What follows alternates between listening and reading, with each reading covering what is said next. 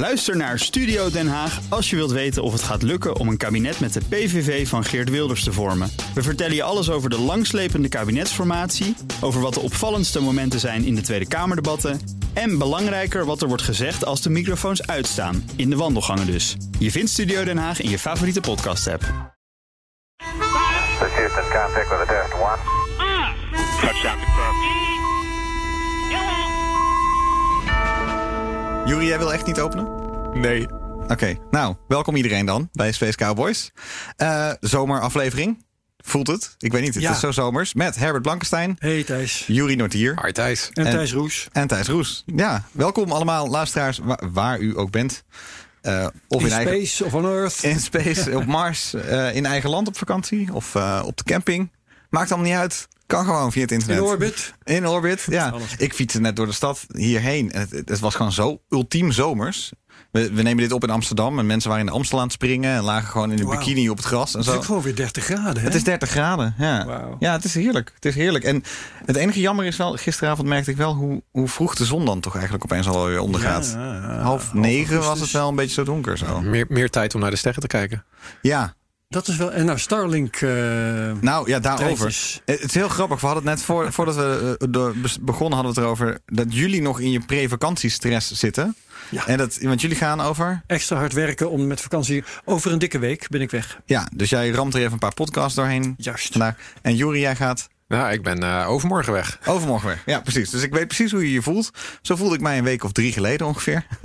ik kom net terug. Alles is chill.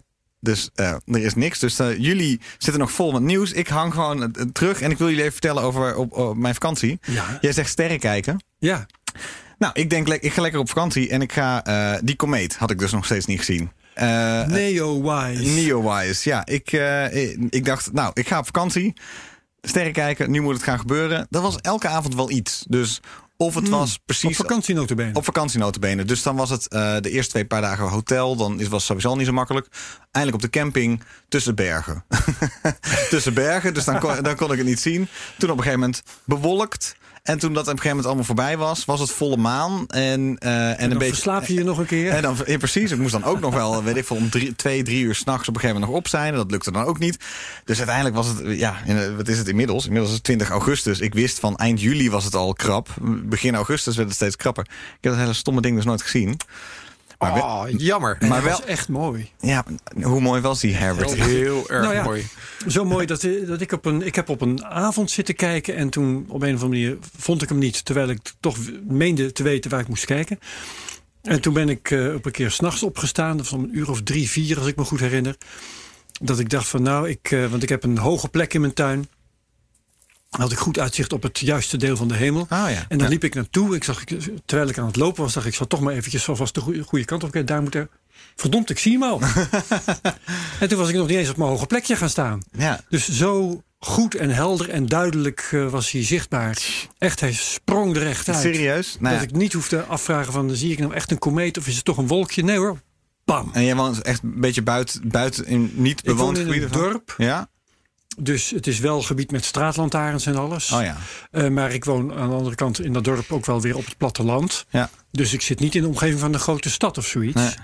Ehm, dus wat dat betreft is het wel weggunstig. Maar Ja. het is medium wat betreft. Hè, als je in Zuid-Frankrijk gaat zitten of zoiets, of in het Centraal Massief, waar nog echt mooie sterrenhemels zijn, dan heb je een beter uitgangspunt Ja. dan waar ik woon. Maar in Hartje Amsterdam is het slechter. Ja, ja, precies. Dus ik, ik heb van alles geprobeerd. En elke keer kwam het er gewoon niet van. Of was er, zat er dus een berg voor of een wolk. Het was gewoon echt... Ja, ja, ja, ja, ja, ja. het, het, het was, het was vreselijk. Het enige wat je wel heel mooi kan zien de hele tijd... zijn Jupiter en Saturnus. Maar die kan je zelfs hier in alle parken waar je ook bent... die zie je elke keer wel boven de grachten hangen. Eh, al opgevallen, Saturnus en Jupiter? Ehm. Twee heel, hele heldere. Nee, omdat ik niet heb opgelet de afgelopen tijd. Moet even nadenken. Een beetje Maar- richting het westen volgens mij. Aan het begin van de avond zo... een beetje richting het zuidwesten-ish uit mijn hoofd. Ik wil je wel vertellen dat. Zoek het ehm, even op.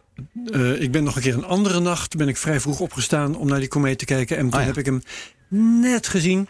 Toen was het al aanmerkelijk minder gunstig. Ik wilde eigenlijk nog foto's maken. Dat is niet gelukt. Oh ja. En toen dacht ik, toen keek ik een andere kant op. En dacht ik, wat zie ik nou? En ik denk dat het Venus was.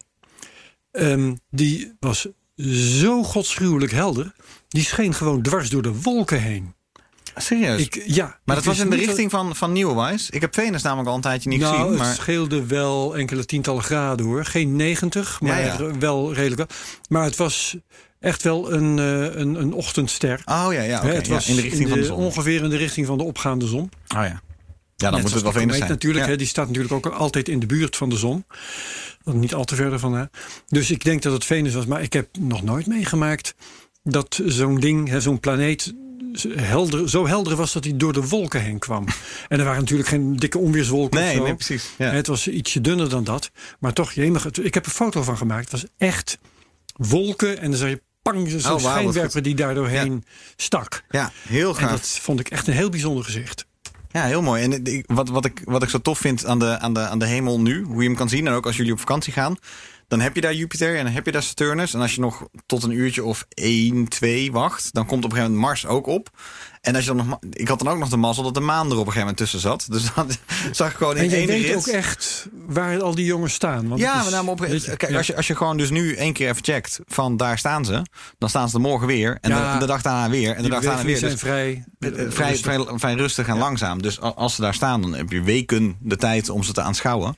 En ehm, eh, het, het vette van hoe je ze nu naast elkaar kan zien hangen, is dus, en ik heb, ik heb allemaal foto's van geprobeerd te nemen, en dat het is wel gelukt, de ringen van Saturnus, maar niet, niet Oh, heel briljant. Ja, het is, wel- Dan heb je een, eh, een goede camera te Nee, pakken. nee, het is, ik zal het je nog veel gekker vertellen. Dit is echt leuk. Ehm, wat ik even een vorige punt afmaken is dat wat zo vet is om ze allemaal naast elkaar te zien, is je ziet gewoon het zonnestelsel hangen. En je Ja. ziet zo ontzettend duidelijk hoe ze van kleur verschillen. Je ziet zo duidelijk dat Jupiter meer dat gelige heeft, Saturnus Mars meer. rood. Dat, ja, en, en, en Mars zo ontzettend rood dat je nooit meer ook maar zal denken: hmm, is dat Mars? Arcturus lijkt heel vaak een beetje op Mars. Eh, ook rood gloeiend, maar dat is een ster en knippert Ja, ook veel meer. Eh, maar Mars is zo ontzettend bloedrood-oranje dat je. Ja, het is gewoon te gek om het, om het allemaal in één, in één bliksveld te hebben. Want je snapt het gewoon voor de rest van de tijd. Het is was- ook op één foto. Nee, ik heb ze niet op één foto genomen, want ik had een lens. Ik heb een camera die een vrij. Hij is eigenlijk voor video bedoeld, helemaal niet voor foto's. Ehm, eh, maar er zit een lens op van 200 mm. Dan zit er ook nog voor de luisteraars die het snappen een, een grote krop op van 1,7 of zo wel. 1,6, 1,7. Dus je haalt dingen die ver weg zijn, kan je ontzettend dichtbij halen. Ja. Nou, dus ik probeerde dat, probeerde dat met Saturnus en eh, Mars en, en Jupiter. Lukte dus aardig. Het is grappig. Als je dan in Photoshop op- helemaal inzoomt op nog die paar pixeltjes, dan zie je dus dan zie je de ringen van Saturnus. Dat was te gek. Maar wat, wat hij zelfs had, is er is een functie waarmee hij scherp kan stellen. Waarbij als iets scherp is, dan komt, wordt hij een beetje, gloeit hij een beetje rood op. Dat hebben sommige camera's. Ehm, en ik kon het niet in het echte blikveld zien, maar ik zag op mijn scherm Jupiter hangen. En precies daarnaast vier puntjes waarop scherp gesteld werd. Dat waren de manen. Dat waren de manen van Jupiter. Dat is zo, zo gaaf. En ik heb er een foto van genomen en geprobeerd ze ook daadwerkelijk als de heldere pixels te krijgen. Dat, dat is me niet gelukt. Maar mijn camera kon me dus wel via de display de, de manen van Jupiter laten Wat zien. cool. Zo, ik vond het zo, gaaf. zo bizar. Ik vond het zo bizar. man. Heel grappig. Ja, dus ja, ja. Op vakantie gaan, dames en heren. Altijd, ja, dat is voor mij altijd om manier- eh, ik timelapses maken van de, van de hemel en van, van sterren. En Ja. Ik heb een prachtige maansopkomst. Dit was op je vakantie. Dus allemaal op mijn je vakantie. Ik zal dit- ja, in de maansopkomst laten heb je natuurlijk veel last van eh, lichtvervuiling en dat soort Ja, tot- terwijl er ook hier in Nederland zijn er een paar eh, plekken waar het heel goed is. Friesland is bijvoorbeeld eh, eh, bovengemiddeld goed. Hmm. En er, zijn, er, er zijn kaarten te, te krijgen van die lichtvervuilingskaarten. Waar je kan kijken van eh, hoe erg is het. En dan zelfs in de buurt van, van de grote steden zijn soms nog wel plekken te vinden in de duinen of Oh. zo. Waar je echt nog wel goed kan, Ik vind het bij mij, hoor. bij mij op het platteland, vind ik het slecht. Ja, ja. Ik zie zelden meer dan enkele tientallen sterren. Hmm. Echt heel slecht. Nou, het is wel grappig. We hebben een huisje in het bos en dat zit dan toevallig tussen drie steden in. Zie je ook niet zo, zie je ook niet zo veel sterren als je zou denken. Nee. Omdat je zo nu dan gewoon te dicht bij een snelweg zit of zo. Maar Ja. als je die kaarten bijpakt, dan zou je- ja, er zijn volgens mij zelfs officiële dark sky territories. Zeker de Waddeneilanden bijvoorbeeld. Sommige Waddeneilanden vallen er zelfs onder. Ehm, ik zal eens even kijken of ik die in de show notes eh, kan krijgen. Er is Ja, een kaart ja, van. eh, Ja. ja, en misschien van- zit het moment om even bekend te maken alvast voor mensen die het interesseert dat over vier weken we hier een bijzondere gast hebben, namelijk Jan Terpstra, die bij BNR vaak praat over zijn vak, dat is namelijk eh, cybersecurity. Maar hij is ook fotograaf en hij komt eh, jou en wie er dan nog meer is, Jury geloof ik, Ja. Ja. dan uitleggen van alles en nog wat over optica in de ruimtevaart. Ja, echt de meest uit, uiteenlopende optica in de ruimtevaart. Ja. Ja. Alles van foto's op zondes tot aan... Van, van rondvliegende Laser, ehm, communicatie, eh, alles. door astronauten losgelaten camera's eh, tot en met de optica aan boord van Mars rovers. Ja, precies. Ik wilde nog naar stereo. Er, is, zijn, er zijn stereoscopie-camera's ook mee naar de maan gegaan. Volgens mij Apollo 15. Waar ik ook nog over hebben. Dus 3D-foto's Leuk, van de maan. Ja, dus dat kon. Over vier weken in Space Cowboys. Vier weken in Space Als we vragen hebben, moeten we die alvast gaan noteren. Misschien ook voor de luisteraars. Eh, als ze precies. vragen hebben, dat ze dat aan ons kunnen Via doorsturen. Twitter, at Space Cowboys Pod. Kun je ons bereiken. Leuk. Eh, nou, dan gaan we nu naar de nieuwtjes, denk ik. Ja. Ik, eh, Zullen we nog even snel eh, een rondje doen wat, wie wat als belangrijkste nieuws heeft? Ja, dat, ik ben zo heerlijk lekker er niet bij geweest. Het enige, het, het, het, het, het, enige wat ik echt op mijn radar kwam van dacht... oh, was dat er echt daadwerkelijk snelheids speedtests via Starlink zijn gedaan. Dus Ja, dat is het, leuk. het werkt. Starlink werkt. Er wordt al gedownload, er wordt al geüpload. Er is al een latency bekend. En de latency was nog... Hebben jullie het zo paraat? Anders zoek ik Ja, de- tussen de 20 en de 60 eh milliseconden. Milliseconden. Dat valt, dat valt wel mee. Ik Kan kan niet meer dat is gamen. heel verdienstelijk. Ah, kan je echt wel bij gamen, Ja, In mijn gamen. tijd gameden we nog met 100 milliseconden. Toen ik nog jong was, was 100 Ja. milliseconden was, was, was de heilige graal. Ja, dus 10 milliseconden Voor volgens potje. Counter-Strike kan het nog. Maar als je professioneel Call of Duty wil spelen... dan, moet je eh, 9 hebben. Wat- Ja. Wat heb jij als belangrijkste Ik heb twee. eh, het, het, het was een, eh, eh, paar, het waren een paar weken met eh, een paar leuke soaps. Ja. Het is een soap in ontwikkeling rond de vorige manager van bemande ruimtevaart bij NASA, Doug Lavero. Daar wou ik het straks even over hebben. En daarnaast is er een groot contract vanuit de overheid van de Verenigde Staten uitgegeven aan de United Launch Alliance en SpaceX. En daarmee zijn twee andere partijen heel erg benadeeld. Dus dat heeft ook weer wat politieke gevolgen. En een daarvan is eh, Blue Origin, hè? Van Blue Jeff. Origin Ja. en eh, Northrop Grumman, ook een grote eh, speler. Dus dat waren twee dingen waar ik het in ieder geval over wil hebben. En voor de rest kleine dingetjes uit China, Europa en natuurlijk SpaceX. Ja, precies. En ik heb eigenlijk alleen maar kleine dingetjes, vind ik zelf. En eh, dan zal ik eigenlijk de meest wilde maar even noemen. Die heb ik ook al genoemd in de, in de CryptoCast, notabene. Eh dat is namelijk dat de eerste multisig bitcoin transactie in space heeft plaatsgevonden. De CryptoCast, mensen. Zometeen ook bij Space Cowboys. Ja, precies. dus dat eh, leg ik zo nader uit. Leuk. Nou, zullen we, eh, eh, SpaceX dan maar, dan maar als eerste. Ja, Wat we- ja, ja, ja. Nou, Beetlejuice hadden we ook nog, hè? Komt ook nog. Eh, Precies. grote ontploffende ja, ster die, toch niet ging ontploffen. Of de zo. ontploffing is even van de agenda. ja, precies. Ja. Nou, ik, eh, ik, ik geef even rust. Jongens, waar willen jullie het over hebben? Nou ja, ik vind dat we wel met SpaceX moeten beginnen. Altijd. Ehm, want jij zegt. eh, de Die hop heb je het over gehad, hè? Die hop, die hop van eh, SN5. We hebben eh, we twee weken geleden. ja, mooi. Ja, Toen zat ik op Dus, vakantie. Ik heb nog ergens een hotel kunnen kijken. Voorlopig uitgehopt. Superleuk. Ja, uitgehopt. Eh, Starlink, dat het online was. Heel veel mensen hebben zich ingeschreven voor een beta. Hebben jullie ook ingeschreven voor een beta? Ja, ik ook. Heb ik niks, gedaan. Niks gehoord Nee, van de beta. baalde. We hadden ook. Maar eh, gelezen dat in Noord-Amerika ze al eh, zouden gaan beginnen. Dus VS en Canada. En het, ze hadden zelfs een soort geheimhoudingsplicht over alles. Toch zijn er mensen die zijn Op Reddit en dergelijke. ja, op, ja, op, op Reddit gaan, gaan posten.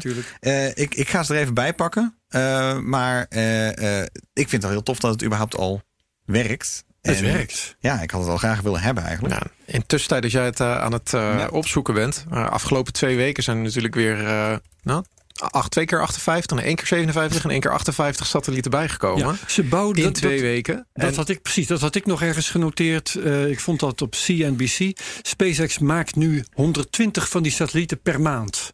Dat is echt satellietenpoepen, hè? ja, nou, en ze kunnen er inmiddels ook. er eh, drie per maand en OneWeb haalde er 30 per maand, maar 120. Dit is massaproductie. En- En ja. het wordt er nu ook, nou op die manier wordt het nu ook gelanceerd. Want eh, ook voor de komende maanden staan er steeds weer twee lanceringen per maand Twee gepland. Eh, en het mooie is nu, eh, SpaceX heeft ook gezegd, nou we willen hier ook nog een klein zakcentje aan verdienen. Dus bij de afgelopen lanceringen werden er ook steeds kleine aardobservatiesatellieten Op die manier. meegebracht. Dat meen je En, niet. En Serieus? dat, dat levert dan weer net even een extra zakcentje op voor Ja, dat SpaceX. is wel waar. eh. grappig zeg. Dus in ruil voor twee satellieten minder konden er drie aardobservatiesatellieten of twee van een andere partij eh, meegenomen worden. En eh, Wat slim. ja, Wat slim. Ja, dan heb je toch in ieder geval wat, een cashflow die ook nog meer permanent is of zo. precies. En ik bedoel, ze gaan ze toch op de lucht te sturen. Wat ik heel grappig vond was een tweet. Ik weet even niet meer van wie. Maar ik kreeg op een gegeven moment. eh, eh, voor de zoveelste keer een Falcon 9 die de lucht in gaat, Starlink. En ik swipte hem gewoon weg. En toen zag ik de volgende dag op Twitter iemand die dus exact hetzelfde had. Van wauw, god zegene de dag dat, dat een, een SpaceX-lancering maar echt niks meer boeit. Zo Ja, weinig ja, ja. boeit dat ik hem wegswipe. En dat was bij mij dus ook zo. Van het is zo normaal nu. Er gaan er zoveel de lucht in dat je... Ja. dat je ja. Klopt. Ja, Ja. dat gevoel krijg ik ook. En wat wel weer speciaal was, de vorige lancering... was dus de zesde keer dat die ene booster, die ene raket werd, werd gebruikt. Ja. Nu komen ze echt richting getallen die eh, voorheen ondenkbaar waren. Want deze is dus ook weer netjes geland. Kunnen ze gewoon nog een keer gebruiken. Het wordt routine. dat Dus, wordt eh, gewoon routine, De, heel de, goed. de, zoveel, de volgende trein naar, eh, naar Amsterdam. Ja, Van Utrecht naar Amsterdam, die komt ook niet meer in de krant. nee. Nee, nee. toch? Dat doen we Niet eens meer op een timeschedule. Ja. nee. Eh, de snelheden, dus gemeten. Mhm. Eh, even kijken, het is in, in mbits per seconde. Hè? Dus net zoals je het misschien thuis van je internetverbinding kent. Alles variërend van nou, zo laag als 11 11 mbits per seconde. mbit tot 61 is wel zo'n beetje de hoogste Ja. die ik hier zie. Dat 60, klopt. vrij veel in de 40, maar toch echt wel prima. Zeg maar. Dan De- moet je die, die, bedenken- 11, die 11 is echt een echt. Er is iets vreemds aan de hand. Want 26 is de eerstvolgende en daarna nog veel 36. En daarna Ja. is de rest allemaal boven de 40. Dus En sommige Amerikanen die hebben dus iets dat heet breedband, maar dat is dus 1 megabit per seconde. Hè? oh, afschuwelijk. Bij Comcast en dat soort Ja, eh, het is nu al beter dan, dan op het platteland van de VS. Ja. Ja, 1 Zeker. megabit per seconde. Dat, Er zitten me- mensen die zitten nog steeds via dial-up in, in de VS. dat voelt als Bizar. 2002. Ja, inderdaad. Ja, maar, je moet niet onderschatten hoe achterlijk de infrastructuur in de Verenigde Staten is. Ja, Eh, groot land, door, ja. eh, door gebrek aan concurrentie en dergelijke. Oké. ja totale... Dat is want- een ramp. Ja, Maar- in Brooklyn, jongen, het internet in Brooklyn is zo slecht. Zo slecht. benen, dat is Ja. New York. eh, Ja, lag, ligt er de, hele, de, hele tijd uit. Je betaalt je er helemaal blauw voor. Je betaalt 60 dollar per maand Ja. voor een internetverbinding die Ja, half, 100 kan half werkt voor de helft van de snelheid die je hier hebt. Ja. Ja. We zijn zo gezegend met goed internet hier.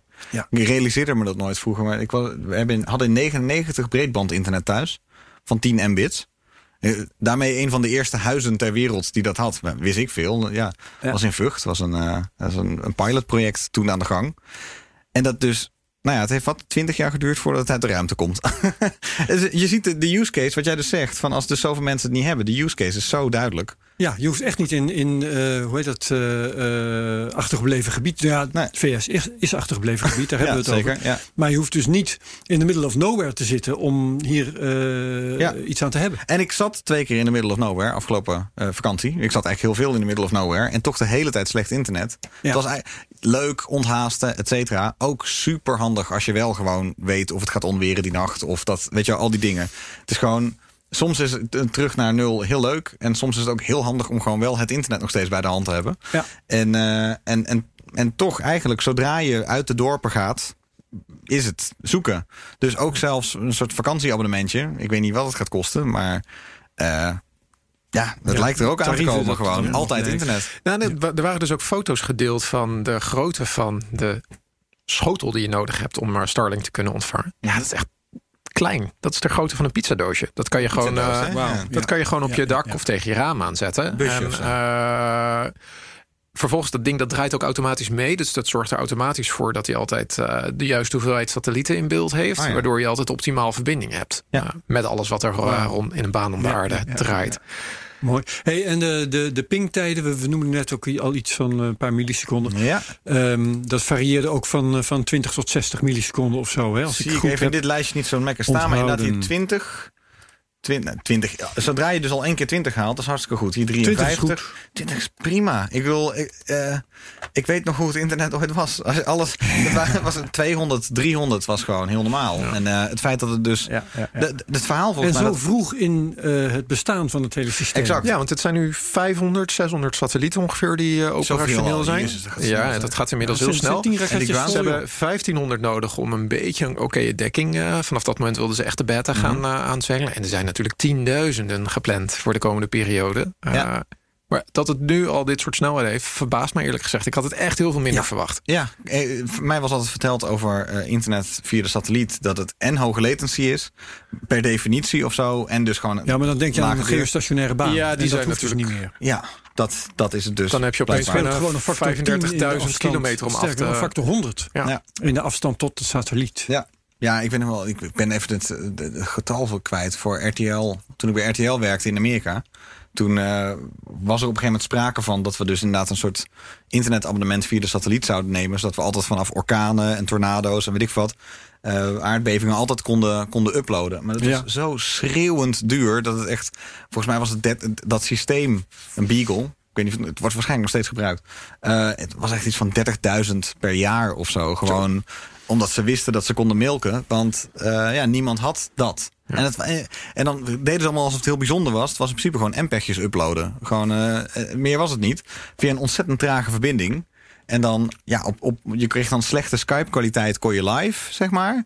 Eh, en als je dan een, op hoogkwaliteit iets wilt doorstralen, dan kost het een uur of, eh, of twee uur voor dat bedrag. En nou, weer een heleboel, heleboel bedrijven die tegen de vlakte gaan binnenkort, volgens mij. Want, eh, Weten we wel iets over de prijs van een abonnement voor Starlink? Nee. Nee, ik dacht dat er iets over bekend was. Nee? Ik dacht het niet. Dan kun jij iets vinden? Eh, vertel maar dan. Nee, Eh, nee, nee. nee. Nee, ik ook niet. Dus eh, Nee. in, in deze kamer is in ieder geval niet Want bekend. er wordt nu gebeta-test en ik, ehm, ik weet niet eens of die beta-testers überhaupt wel iets betalen. Nee, dan niet. Ik dacht dat de tarieven niet bekend waren. How much will it cost to subscribe? Nee, dus ja, ik zie de eerste dingen die ik zie is volgens mij allemaal gokken. Ehm, de terminal. Oh, oké. Elon Musk heeft gezegd dat in ieder geval de user terminals tussen de 100 en 300 dollar gaan kosten. Dus dat is de, de antenne schotel. eigenlijk. Dat is gewoon schotel. Ja. En nu zie ik hier wel een verhaal van Inverse. Eh, hier gaan we ongetwijfeld nog op terugkomen. Maar daar wordt een bedrag van 80 dollar genoemd. Per. Maand. En dat lijkt mij hoog. Ehm, Dat is wel hoog, ja. dus we, Ja, ja. to be continued. Ja. Eh, want dit is wel gezegd, maar ik. eh, eh, Het is voor het Amerikaanse begrippen redelijk normaal. Hè? Dus eh, als je dan de kwaliteit, een hogere kwaliteit biedt, is het toch goed. Gwyn Shotwell heeft er een keer een quote over gegeven, maar niet echt. Dus het was. ehm, eh, How will SpaceX compete with existing internet providers in the US? Hoe gaan jullie concurreren? werd Gwyneth, eh, Gwyn Shotwell gevraagd. En eh, dan, toen zei zij. Ongeveer vrij vertaald. eh, voor 80 dollar in de maand heb je op dit moment een slechte internetverbinding in de VS. Zal iemand minder gaan betalen voor een betere? Ja. No. Het gaat iemand min- Het is een hele rare zin. Is anybody paying less than 80 bucks a month for crappy service? Nope. That's why we're gonna be successful. Oftewel, ze heeft dus blijkbaar 80 dollar in de hoofd. Zoals ik ook al zei, van je betaalt je blauw. En het, en het werkt niet. Je betaalt je blauw en het werkt wel. En het ja, betaalt je blauw en het werkt wel. Of waarschijnlijk kan het er nog omlaag. Dat is een beetje het ding. Ja. That's why we're Ja. gonna be successful. We zullen wel zien. Als zij inderdaad 80 dollar per maand gaan zijn voor een campingabonnement, is het niet zo. eh, to be continued. Dit is geen definitief antwoord. Maar het werkt. Het werkt in ieder geval al. En, en de, de mythe dat dus eh, internet. eh, dat het altijd een hoge latency heeft, die is al weg. En dat het een laag snelheid heeft, zou hebben, is ook al. Die, twee mythes zijn inmiddels al Ja. voorbij. Nu kijken of het nog peperduur wordt. Heel goed. Jingle, ding, ding, ding, door naar het volgende. Ik vind altijd dat we een jingle moeten hebben. Eigenlijk moeten we een soort jingle met een knop hebben. Ding, ding, ding. Oké, zetten we op eh, het Zet verlanglijstje. op de verlanglijst inderdaad. ja. Volgens mij moet ik hem maken. Dat is het. En dan door naar Dat zou helpen, ja. ja, ja, precies. Zal, zal ik er eens eentje doen nu? Doe maar. Ehm, ik wil even met jullie naar eh, Ceres. De Dawn-missie die we al lang geleden gevolgd hebben. Toen we het nog eh Space Ja. Cowboys in het Engels deden tijdens jij en ik samen. Ehm, daar is een publicatie over verschenen. En ik vond het wel grappig. Het, ik denk niet dat er veel radicaal nieuws in staat. Maar in ieder geval... Even, even eh, Ceres, de, de, de, zonde. de, dwergplaneet. ja, de- ja, uit de precies. asteroïdengordel. Dawn, de zonde die dat ding bezocht heeft. Die Ja. tot op 22 kilometer van het oppervlak is genaderd. Het was de dwergplaneet waarvan we op een gegeven moment zeiden... What the fuck, wat zien we hier? Die had een paar van die grote witte vlekken. Hele heldere, Heldere witte, witte vlekken. vlekken, ja. Wat kon dat nou zijn? Nou, Dat, weer, dat glinsterde. ja, Ja. en dat is nu eh, duidelijk. Eh, niet alleen is duidelijk wat het is, maar ook eh, hoe het daar komt. Het is namelijk een soort zoutafzetting. Oké. En hoe komt die daar? Ceres is een van de objecten in het zonnestelsel, weten we nu, net als eh, Europa en een aantal andere, met een ondergrondse oceaan. Ceres. Nu ook. Ja. Een, dwerg, ook. een Nu ook. dwergplaneet met een ondergrondse oceaan. Wauw. Maar- en eh, die ondergrondse oceaan, eh, Hoe dan? of het nou is door, eh doordat eh, daar iets, want het is in een krater, hè, die witte vlekken. Ja, kom even kijken, Juri. Ik heb hem hier ik heb een plaatje staan. Ehm, die eh, ondergrondse oceaan is, eh, komt waarschijnlijk nog steeds door eh, barsten in het oppervlak naar boven. daardoor ontstaan dus die witte vlekken. Ehm, ze zijn tot de conclusie gekomen dat die dingen kosmisch gesproken heel nieuw zijn. Ongeveer 2 miljoen jaar maximaal Oké, oud. Ja. Wat waarschijnlijk betekent dat die oceaan nog steeds doorcijpelt naar boven. En het is dus zout water. En nu wordt het grappig. Dit is eh, een detail wat ik, niet even, eh, wat ik even niet onvermeld wil laten. Ehm, in die publicatie en de verschillende ehm, eh, bronnen op het web die ik heb gevonden, die praten dat na. In die publicatie staat wat het is. En ik eh, zit nu, want ik had het in Wikipedia opgezocht. En op een of andere manier is eh, die. Oh, hier het. Eh, wat het is, is hydrohaliet. Hydrohaliet. Hydrohaliet. Ja. En dan denk ik van, nou. Dan wil ik wel eens weten wat dat is. Hè. Wat voor exotisch zout Ja, dat klinkt dat voor mij nou ook heel zijn. Ja, precies. dat wil ik weten. Dus dan ben ik gaan opzoeken gewoon in Wikipedia. Hydrohaliet, dames en heren, bestaat hoofdzakelijk uit natriumchloride. Ah, maar dan hebben we het gewoon over keukenzout. Natriumchloride is doodgewoon keukenzout. En hydrohaliet is dan een variant, Het waren geen aliens, het bleek keukenzout. is een variant met twee eh, moleculen kristalwater. Dus nou ja, oké, big deal. En? Maar het is dus gewoon keukenzout wat daar ligt op Ceres. Nou, dat is niet zo En ik vind hartstikke het leuk. wel Maar ik leuk ben dat ze wel... dat dan per wetenschappelijke publicatie vermommen als hydrohaliet om het nog wat te Ja, laten lijken. Dan klinkt het als wij Ja, willen daar beetje- naartoe om die asteroïden te gaan eh, ontginnen. Ja, Maar hydro, we gaan hydrohaliet mijnen Ja. op. Eh, hey schat, mag ik even de hydrohaliet van je? Ja. Waar het mij aan deed denken. eh, het is verschillende keren gebeurd in eh, Nederland dat er eh, vrachtwagens zijn verongelukt met aan boord een lading ethanol. Ja, dat, is- dat dat, is heel gevaarlijk goed, ethanol. Precies. Heel gevaarlijk. En dan heb ik een neiging gehad om de telefoon te pakken en BNR bijvoorbeeld. eh, Jongens, weten jullie wel dat het hier gewoon gaat om alcohol, om het werkzame bestanddeel van jenever? Kunnen we het gewoon hebben over Ja, precies, precies. Ja. Ja.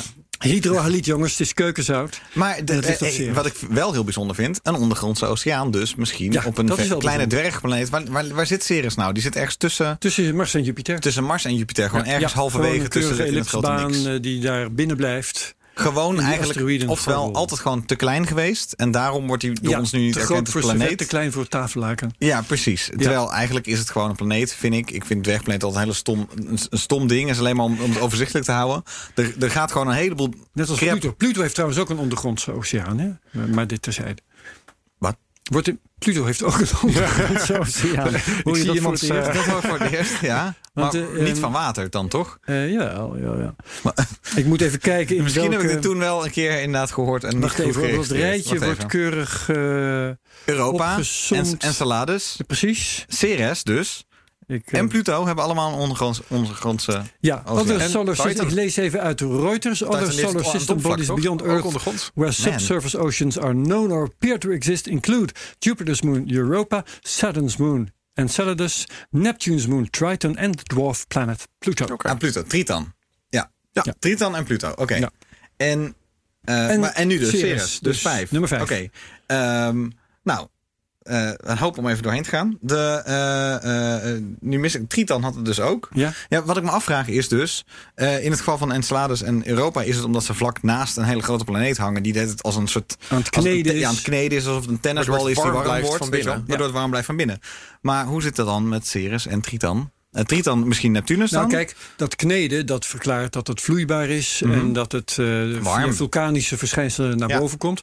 Ehm, en eh, Ceres is een stuk dichter bij de zon. Mhm. Dus misschien dat dat voldoende is. Om hem een En beetje te anders heb je kneden. misschien nog tijdenwerking van Jupiter. Maar daarvoor zit hij wel. Daar zit hij zit te ik even hard ja. op te denken. Dus dat weet ik niet. Heel apart. Ja, maar in ieder geval. ehm, Ik vind het wel, ik vind het wel bijzonder. Misschien moeten we daar nog Ja. een keer iemand over beter wel ja, nodig iemand uit. Dat lost alles op. Nee.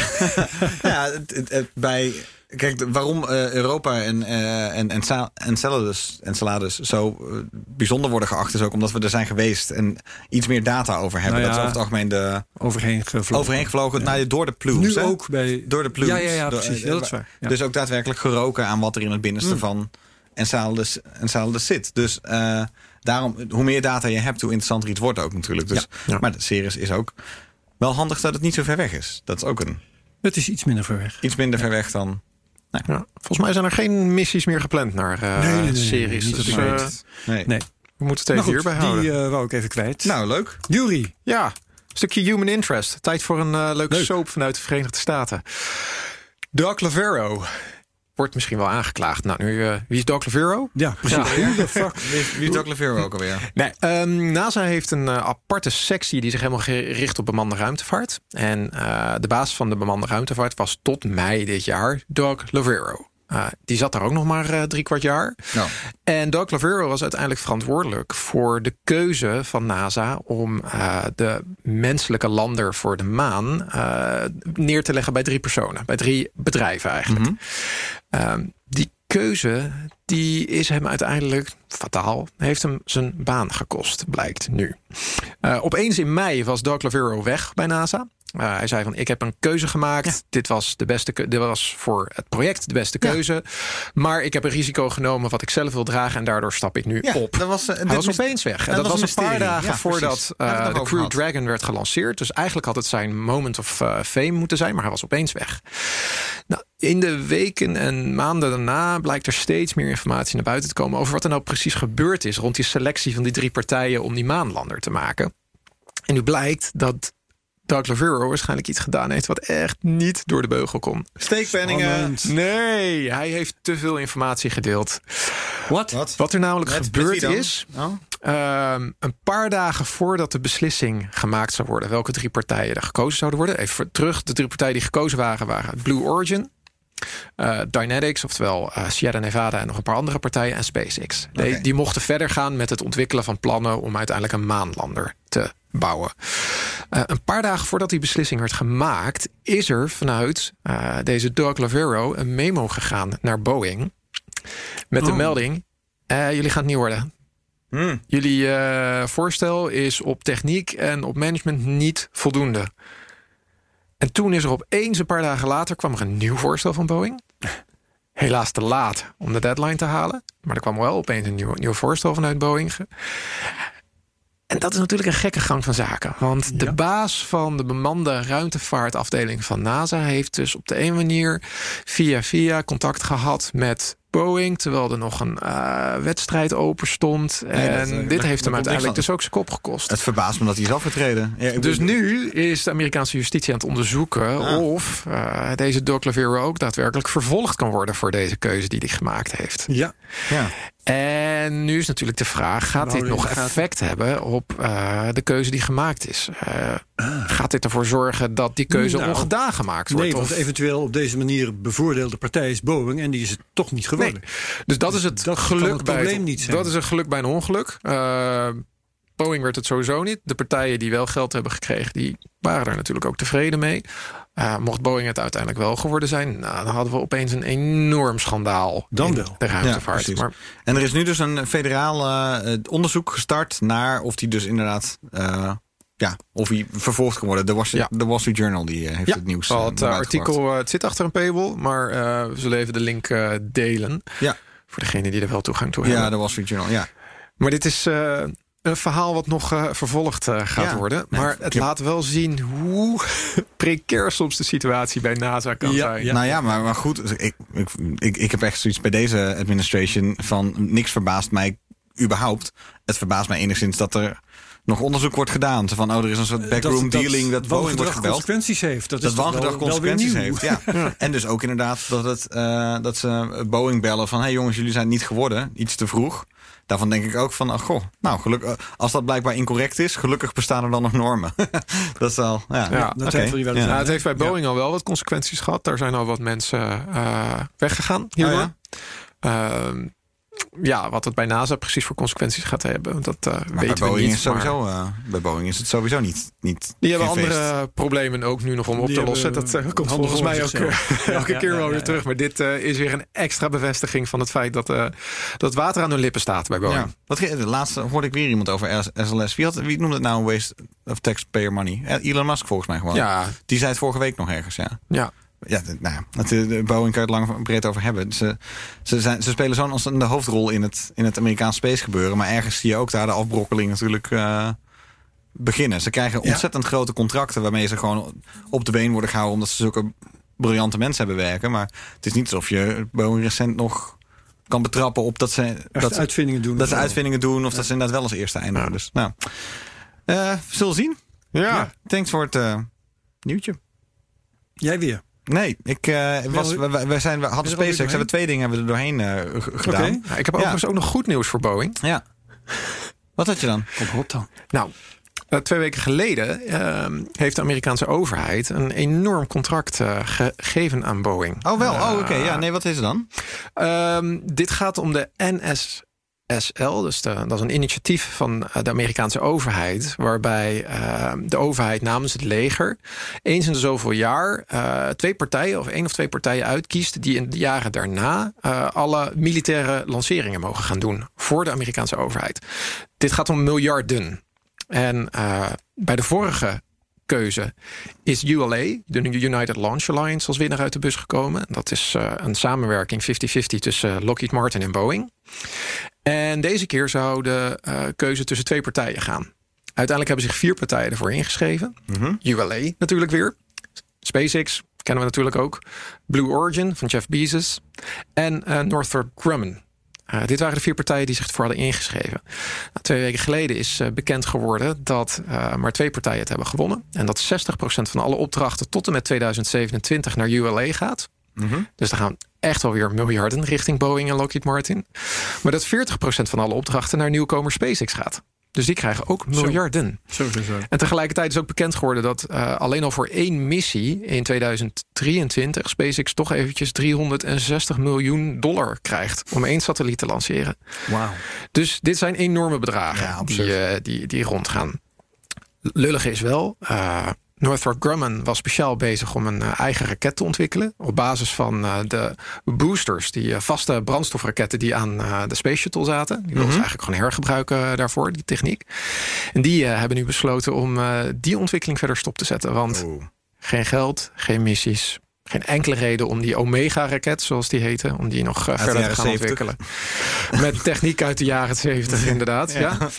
En voor Blue Origin is het natuurlijk ook jammer, want hun uh, New Glenn-raket uh, uh, is op deze manier ook een belangrijke inkomstenbron kwijt. Oh, ja? hmm. Voordeel is wel.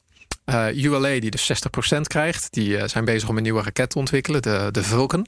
En Oh. die maakt gebruik van vaste brandstofraketten die gemaakt worden door Northrop Grumman. Dus op die manier krijgen ze toch nog een beetje geld.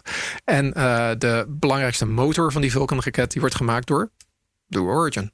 Dus die oh, krijgen dat wel. toch wel weer wat geld. Doet dus... Blue, Blue, Origin dan in die end nog echt wel iets? nou, ja, dat is inderdaad...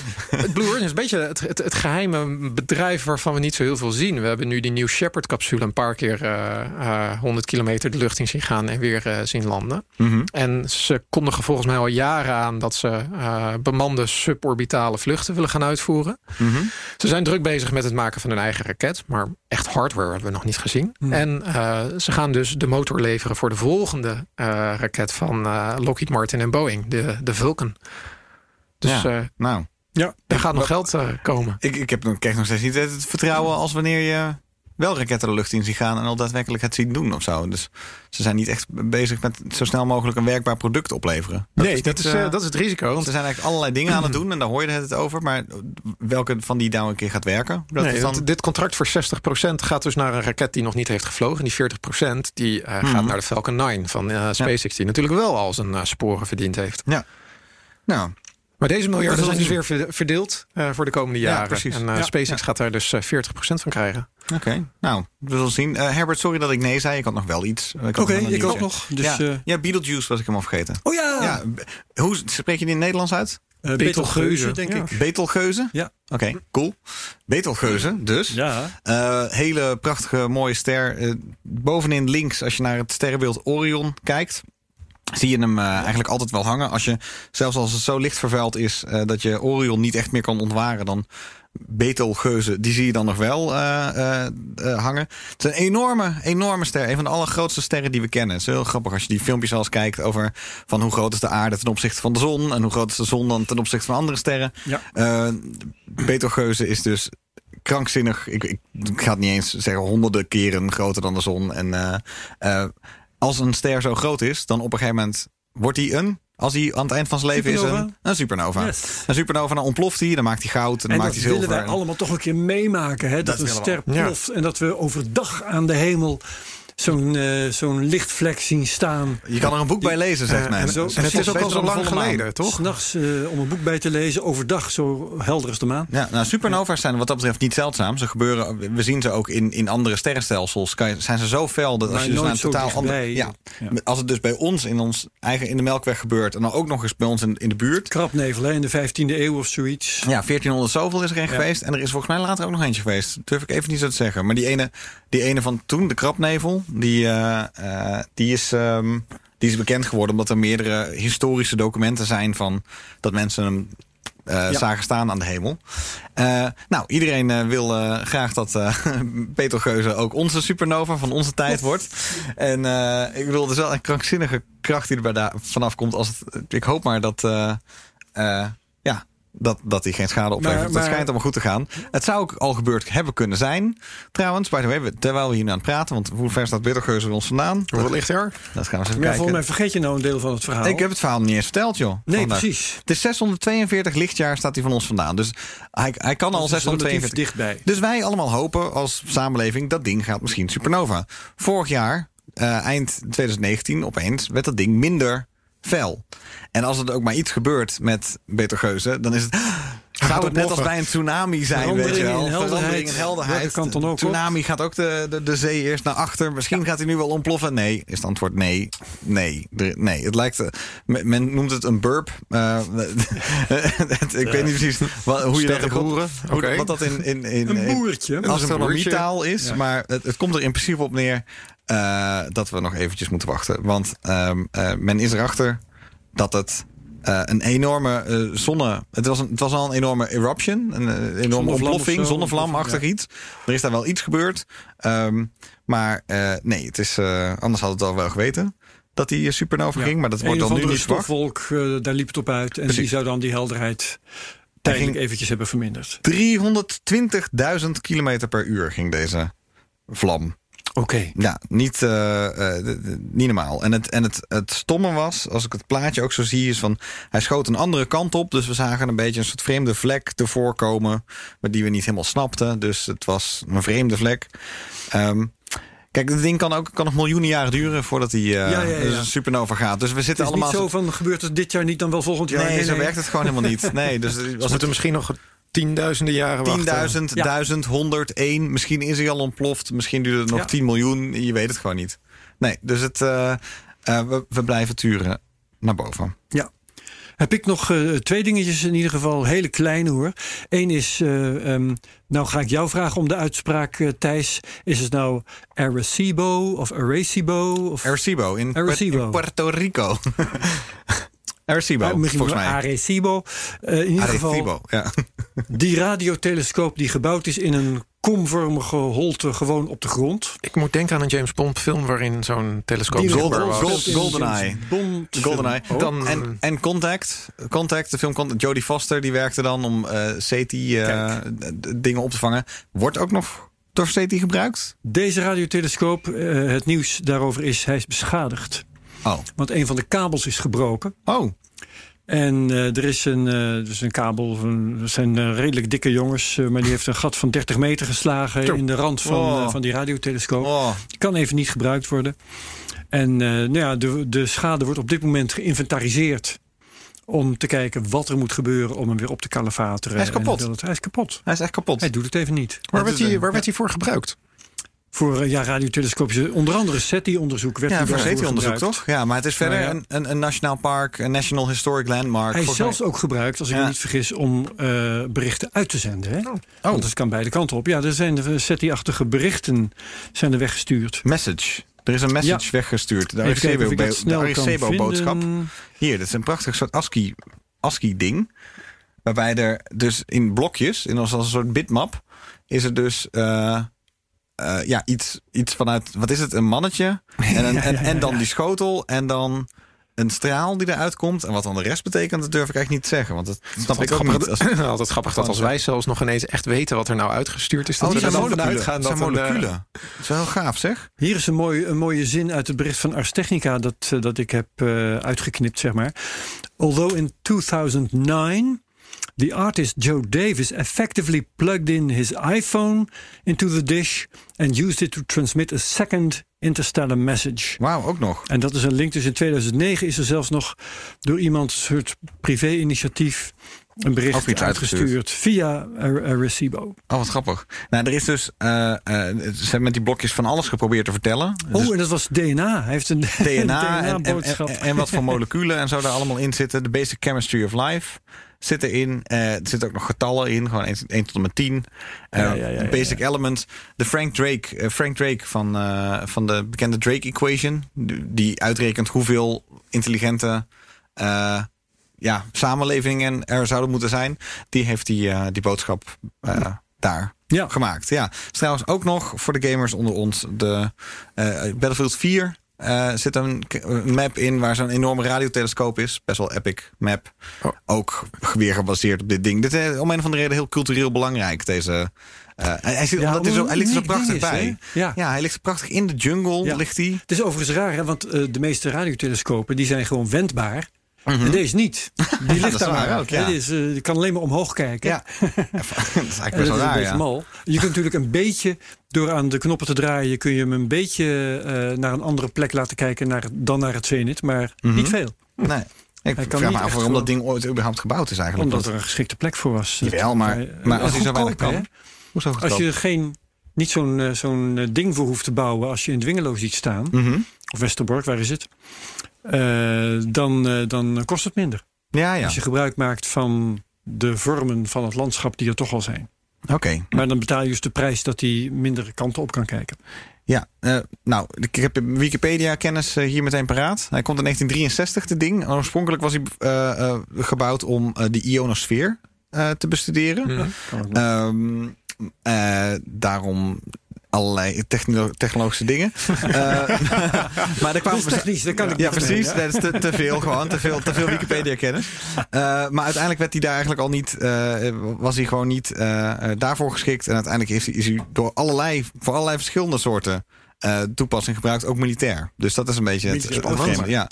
Ehm, bijvoorbeeld is vastgesteld dat Mercurius niet in 88 dagen om zijn as draaide. Zoals toen werd gedacht. Maar in slash, slechts Zeven- ne- 59 dagen. Oh, dat is nogal een flink verschil. 59 dagen. Oh ja. Nou, nou, dat weten we dat ook weer. Ja. Mooi zo. Heeft een van jullie nog wat? Of zal ik mijn laatste dingetje... Ik heb nog een paar kleine nieuwtjes van de nee. afgelopen weken. Jury. Zal ik er? Nou, ik ga ze gewoon eh, opnoemen. Ehm, ik, wat wel weer leuk is, is vorige week ehm, is er vanuit Frans-Guyana weer een eh, Ariane-raket gelanceerd. Vrij standaard lancering. Twee communicatiesatellieten, dat is allemaal niet zo heel erg boeiend. Maar er zat hier weer een stukje wegenwacht in. Eh, de tweede wegenwacht eh, eh, in de ruimte die gelanceerd is. De Mission, de ja. Mission Extension Vehicle. Eh, is met succes gelanceerd. Is weer op weg naar een oude communicatiesatelliet van Intelsat. En heeft dus als doel om diegene vast te klampen. En vervolgens weer in de juiste baan eh, te houden en neer te zetten voor de komende jaren. Zodat die satelliet gewoon eh, gebruikt in de kan. kraag gevat. Ja, dat ziet er vrij bruut uit altijd. Eh, de, de vorige keer hebben we beelden ervan gezien. En ehm, zo'n communicatiesatelliet die zit daar dan lekker in de geostationaire baan. Is een beetje aan het wegzakken. Mining is own business. Minding its own business. En dan komt die Mission Extension Vehicle. Die benadert hem van achteren. En die schiet dan een harpoen in Is de zijn... satelliet, satelliet een achterkant dan? Ja, waar de motor, mo- waar de motor zit. De voorkant vooruit. is natuurlijk op de Ja. aarde gericht. Daar zitten de, de zenders. Aan de achterkant zit een oude motor die hij eigenlijk niet meer gebruikt. En er wordt dan een harpoen ingeschoten. En die eh, klapt uit, waardoor die vast komt te zitten in die motor. En eigenlijk zit dan als een soort van alien film, moet je het dan zien, zit die eh, Mission Extension Vehicle dan vast aan die eh, satelliet. Die kan dan ervoor zorgen dat hij een beetje bijgestuurd wordt. Oh, wauw. Ik vind het fascinerende Ja. techniek. En eh, er is dus nu ook echt een bedrijfje. Dat heet volgens mij Space Logistics LLC. Een eh, subbedrijf van Northrop Grumman. Maar die eh, hebben dit als businessmodel nu ingezet. Die willen dus nu vaker ervoor gaan zorgen dat Ja, zij ja, dit soort mission extension vehicles kunnen gaan gebruiken. Om dit soort satellieten Oh, cool. in de juiste baan om de aarde Ja, maar het is wel degene die moet betalen. Dat is degene met wie die een probleem heeft waarschijnlijk. Hoe- Dat is wel... ja. Dus ik hoop maar dat ze dan in te huren zijn of zo. Om het op te lossen. Het klinkt ook als een, een experimenteel dingetje nog, hè? Zijn er twee omhoog, zei je? Ja, de eerste is goed gelukt. Uh, Oké. Die heeft dus uh, eerder dit jaar is die vastgekoppeld aan een andere satelliet van Intelsat. En die heeft hem Ja. nu in de juiste baan om de Ja, oké. gezet. Dat is wel tof. En kan- maar kan hij dan dus ook doorvliegen naar een volgende? Ja, dat is dus het interessante. Uh, hij kan zich dus weer loskoppelen en uh, doorgaan naar een andere. Grappig zeg. Ja. Zullen er wel beperkingen aan zitten? Mag, je kunt niet meteen naar een hele andere baan. Mhm. Nee, Je klopt. optimaliseren. Uh, je moet het inderdaad optimaliseren. En uh, een satelliet moet zo'n motor aan de achterkant hebben. Uh, hij Ah. mag dus geen elektrische motor of iets dus, dergelijks hij is niet geschikt voor elke satelliet. Nee, nee, nee, nee, alleen voor een bepaald type satellieten met een bepaald type motoren aan Ja. de achterkant. Oké. Nou, en dan hadden we ook nog een oefening van, ik ben even de naam ervan kwijt, van Osiris Rex. Oh ja. Ja, de, Osiris die hebben is, hebben we dus, is, een, is Ja. een zonde die uh, in, nu in een baan om asteroïde Bennu uh, Mhm. vliegt. En het doel daarvan Van is om- Amerikanen, hè? Van? Amerikanen, ja. We- we- Er zijn er twee uh, geweest in de afgelopen periodes. Eer we die door elkaar heen halen. We hadden Hayabusa Hayabusa. 2. Die ging naar Ryugu.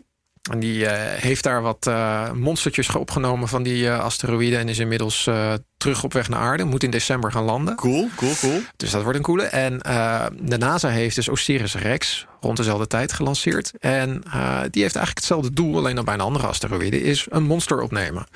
Dus wat ze afgelopen week hebben gedaan, is uh, gekeken of het mogelijk is om heel dicht in de buurt van die asteroïde te komen.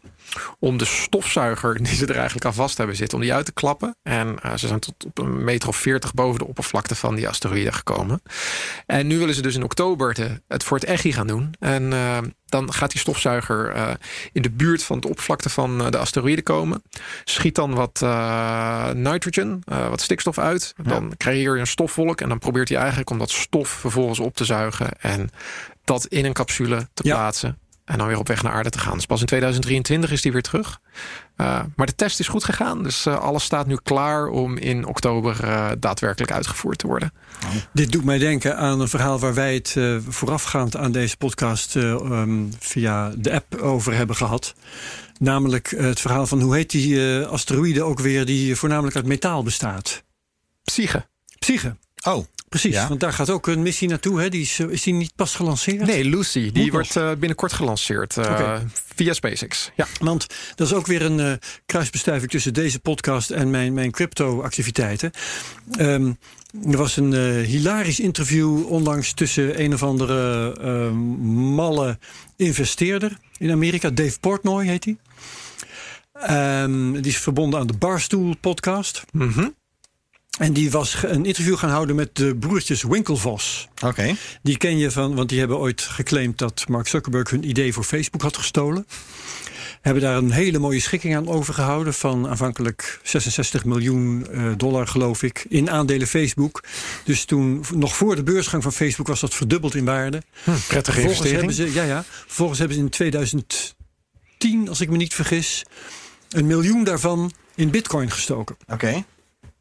Dus die zijn nu stinkend rijk in bitcoin. Ja. En kwamen Dave Portnoy uitleggen um, hoe bitcoin werkt. Nou, dat was, uh, als je een beetje van crypto weet, was een hilarisch gesprek tussen iemand die er echt helemaal niks van snapt. En mensen die dat wel doen en het dan proberen uit te leggen. En het werkt eigenlijk helemaal niet. Maar toen zeiden die uh, winkelvosjes, één daarvan tenminste, die zeiden ook iets uh, waar het bleek dat ook dingen zijn waar zij niks van snappen. Die zeiden namelijk: Bitcoin is um, eigenlijk veel beter dan goud. Want de voorraad bitcoin is uh, absoluut vastgelegd. Die is eindig. Terwijl goud, dat is even een dingetje. Want uh, er zijn asteroïden die bestaan helemaal uit goud. En Elon Musk gaat dat ophalen. Ja. Ja. En die hadden dus echt de klok horen luiden, maar wisten niet waar de klepel hing. Oh, man. Er was iets met Elon Musk en een asteroïde. En, ja, precies. Oh, ja, ja. En ik weet bijna zeker dat ze dachten aan die Psyche-satelliet, of die Psyche-asteroïde, oh, die weliswaar uit uh, metaal bestaat, maar of dat goud is, dat allemaal, staat nog zeer te die, Dat is allemaal nikkel en ijzer. Precies. Uh, en bovendien heeft Elon Musk daar helemaal niks mee te maken, want hij ging wel met een SpaceX-raket mee omhoog, maar hij heeft niks met die missie te maken. Het is gewoon een NASA-wetenschappelijke missie. Mm -hmm. Dus uh, dat was hilarisch. Maar ik vond het wel leuk om dat hier even te noemen, omdat er toch een, een ruimtevaart uh, ja. Uh, link ja, in zich vond had. Het een heel raar, uh, dat is een heel raar, raar verhaal. Heel raar, verhaal, ja, ja, ja, ja, Maar ook wel heel leuk om die jongens die dan echt wel wat Bitcoin betreft weten hoe het zit. eh, die te zien demonstreren dat ze van ruimtevaart totaal geen kaas hebben. Ja, schoenmaker echt blijft leuk. bij je leest. In dit geval wel. Ja. Ja. Nou, dan heb ik nog één ander ding. Het is ook een beetje komkommer nieuws. Maar eh, juist omdat ook blijkt dat het komkommer nieuws is, vind ik het leuk om het te vertellen. Ik kwam een kop tegen en dat was bij space.com notabene. Ik zal hem voorlezen. NASA powers up Ingenuity Mars helicopter in space for the first time. En dat beeld, ja, ik zie jou raar kijken, Thijs. Het beeld dat ik daarvan kreeg was dat in het inwendige van dat ruimteschip waar die nu in zit, dat die helikopter aan het roteren was geslagen. Als een drone, weet je wel. Dus toen ben ik dat stuk maar eens gelezen. Wat is er nou aan de hand? Ze hebben, powers up, ze hebben de batterijen, de accu's aan boord van die helikopter voor het eerst een beetje opgeladen. Nou ja. Tot 35 procent. En that's Nou, it. nou, groot nieuws, En het jongens. voorname, voor, voornemen voor de komende persen. acht maanden is om dat eens in de zoveel tijd weer een beetje bij te houden. Dat het 35% blijft en niet te veel daarboven, niet te veel daaronder. Ah, ja. Dus Ingenuity is voor het eerst opgeladen. Opgeladen. Nou, hyper Ja. de piep. Mensen? Hoera. De batterij werkt. Ja, precies. ik eh, eh, was wel, vlak toen ik op vakantie ging, toen was het wel zo dat hij, hij was even in een bepaalde moeilijke boot mode. Hij was gerestart, want hij was in een safe mode gegaan. Ja, was met de vlak na de lancering waren er twee dingen misgegaan. Ja, Eh, was even- over de hele zonde. ja, Ja, maar ik vertel het ik ben even niet geüpdate. Het is uiteindelijk goed, goed afgelopen. Mooi zo. Ehm, twee dingen die er gebeurden. Eh, op een gegeven moment kwam die in de schaduw van de aarde terecht. Mhm. En dat zorgde ervoor dat het allemaal net even ietsje te koud werd. En omdat die veiligheidsmarges heel strak zijn afgesteld, schiet hij dan in een safe mode. Mm. Ehm, dat betekent dat je de veiligheidsmarge een klein beetje kan oprekken of dat je hem weer opnieuw kan opstarten. Maar dit was geen heel gek gedrag. Nee, oké. Het was gewoon extra veilig om eh, hem af te laten slaan. Ja. Ze hebben hem ook weer snel aan kunnen zetten en Alles daarna is hij doorgevlogen. Ja. het tweede probleem goed. was dat de communicatie, eh, dat de communicatie even moeilijk ging. Eh, en dat heeft ermee te maken dat de radio of de telescopen die gericht staan om eh, signalen van Mars te ontvangen, die zijn gewend aan hele flauwe signalen. Want als het van Mars komt, dan is het natuurlijk vrij diffuus Oh ja. als het eenmaal eh, op de aarde komt.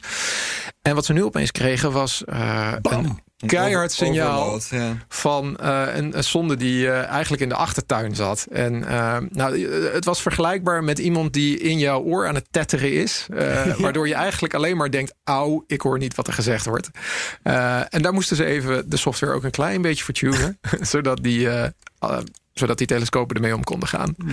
Goed hè. Oké, nou, heel goed. Al, zo zul je zien, ook al heb je dat nog zo goed doorgetest... zijn altijd kleine puntjes waar je tegenaan gaat lopen. Tuurlijk, tuurlijk. En ik heb nog even aan het eind van deze uitzending uitgezocht waar eh, het donkerste plekje van Nederland is op het, zullen we even zeggen, het vasteland van, eh, van ja, Nederland. ja. Want de Waddeneilanden zijn echt, als je echt wil eh, sterren kijken, dan moet je naar de Waddeneilanden toe. Niet, niet naar. Texel. Nee, het is een puntje, het puntje van Friesland waar Stavoren ligt. Zou ik niet naar Stavoren zelf gaan, zou ik even buiten het dorp op de, hoe heet het Ja. daar, de Zuiderdijk zie ik staan. De, als je nou naar de Zuid- in de buurt van het monument ter herdenking aan de slag bij Warns, dames en heren. Oh, Eh, kennen we allemaal, ja. dat is het bij Skarrel. Skarrel. Ga gewoon de Zuiderweg af, mensen. Bij in Stavoren. En dan heb je de donkerste plek van Nederland. Zo makkelijk is het. Morgen afgeladen daar. Morgen Ja, afgeladen. ja, ja, ja. Een uh, flashmob. Ja, precies. ja, ik, ik, wil dat, ik wil er altijd nog een keer heen. Ik heb, ik heb al eerder een keer op die kaart zitten zoeken van... Oh ja, waar is nou dat? Op Waar kan ik heen rijden, weet je wel? Ja, nou, ik, Koop er meteen een huis. het is daar heel rustig. Bij Skarrel, Skarrel en Laaksem in de buurt. Heel rustig. Eh, dat was het denk ik, of Ik niet? denk het ook, ja. Ik denk het wel. Ja. Dankjewel, Thijs. Fijne vakantie, jullie leiding. allebei. Ja, Dat gaat goed komen. De volgende keer zijn ik en Lucer. En eh, daarna eh, ben jij er ook weer niet, Herbert. ben ik er denk ik ook weer niet. Nee, dus dan eh, zien we jou echt als het herfst is, de blaadjes van de bomen vallen. Dan, Zo, dan zien we je weer. Ik zal dan met heel veel nieuwe berichten komen. We zijn Ik benieuwd. zout ze allemaal op. Het nieuwe seizoen wordt dan geopend.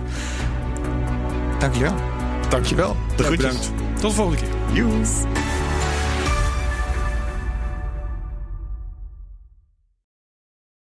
Ook Liesbeth Staats vind je in de BNR-app. Ja, heel handig. Luister live naar Kees en mij tijdens de Daily Move. Dan blijf je ook gelijk op de hoogte van breaking news en het laatste zakelijke nieuws. En daar vind je ook alle BNR-podcasts, waaronder de Perestrooikast. Download nu de gratis BNR-app en blijf scherp.